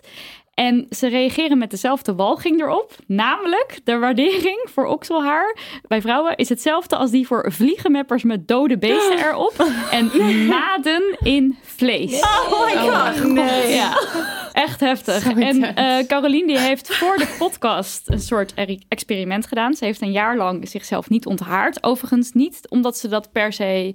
Dus je hebt natuurlijk vrouwen die, die dat zelf kiezen. Dus die dat fijn vinden. En die dat. Nou, maar zij heeft dat eigenlijk niet. Zij vindt het niet per se heel fijn om, om eh, haar te hebben. Maar ze heeft dus voor een onderzoek dan toch gedaan. En dan gaat ze ermee de straat op. En je hoort haar eerst al, dat ze vindt het heel moeilijk. Dus ze wordt zenuwachtig. En, en dan hoor je nu even wat reacties die ze dan krijgt van mensen op straat. Wat vindt u van mijn behaarde benen? het is als ik het nu zie. Eh, ja, lekker eh, retro toch? Nee, ik vind wel dat een vrouw eh, geschoren benen moet hebben. Oh mijn god, dat had ik nog helemaal niet gezien. oh, dat is best heel aanwezig. Nou, ja. het valt mee hoor. Nou, het ligt er als de zon erop schijnt. Dus is Je hebt best- gelukkig blonde haren. Als het dat haren scheelt. was het erger. Ja. Veel te veel. Vind ik echt lelijk. Ja? Ja, heel lelijk. Ja? Eraf moet het. Onder en boven. Ja, nee, ik vind het niet mooi staan. Te mannelijk. Ja, en onverzorgd. Caroline, die vrouw van jou niet om aan te zien. Ja, het is een fantastische quote, maar ik moet wel huilen nu. Ik vind het echt heel erg. Je zet ook meteen je bril op. Ja, ik schaam me nu dus gewoon. En het gebeurt dus ook op een redelijk warme dag. En ze zegt ook tegen de vriendin met wie ze is van... ja, ik ga zo gewoon weer een lange broek aandoen. Oh, want ik trek nee. dit gewoon niet. Holy shit. Ja. En tegelijkertijd zei, zeiden heel veel mensen in het begin: Oh, ik zag het eigenlijk niet. Ja, en toen ook gingen Ja. ze kijken en toen was het opeens heel heftig. Terwijl eigenlijk waren vies. het blonde haren en de zon scheen er een beetje op. Ja, want als het zwart haar geweest, dan was het pas echt erg geweest. Dat zegt die andere vrouw dan ook op oh, de oh. Ja, nou ja, ik, vind- het is gewoon een heel interessant onderwerp. ja. Ik, eh, er zaten een paar dingetjes in de, in de montage die ik wel echt heel vervelend vond. Maar verder vind ik het een top, een top podcast. Dat wilde ik toch even zeggen. Erg. Eh, ga luisteren en kijken of je ook dingen vindt, vervelend vindt. Maar verder vind je het vast heel interessant en leuk. En eh, ja, we zouden ook gewoon een keer een aflevering hierover moeten maken. Ja, ik heb al een klein experimentje gedaan de afgelopen weken. Ik had mijn okselhaar laten groeien. Tenminste, ik deed een poging, want het lukte niet echt.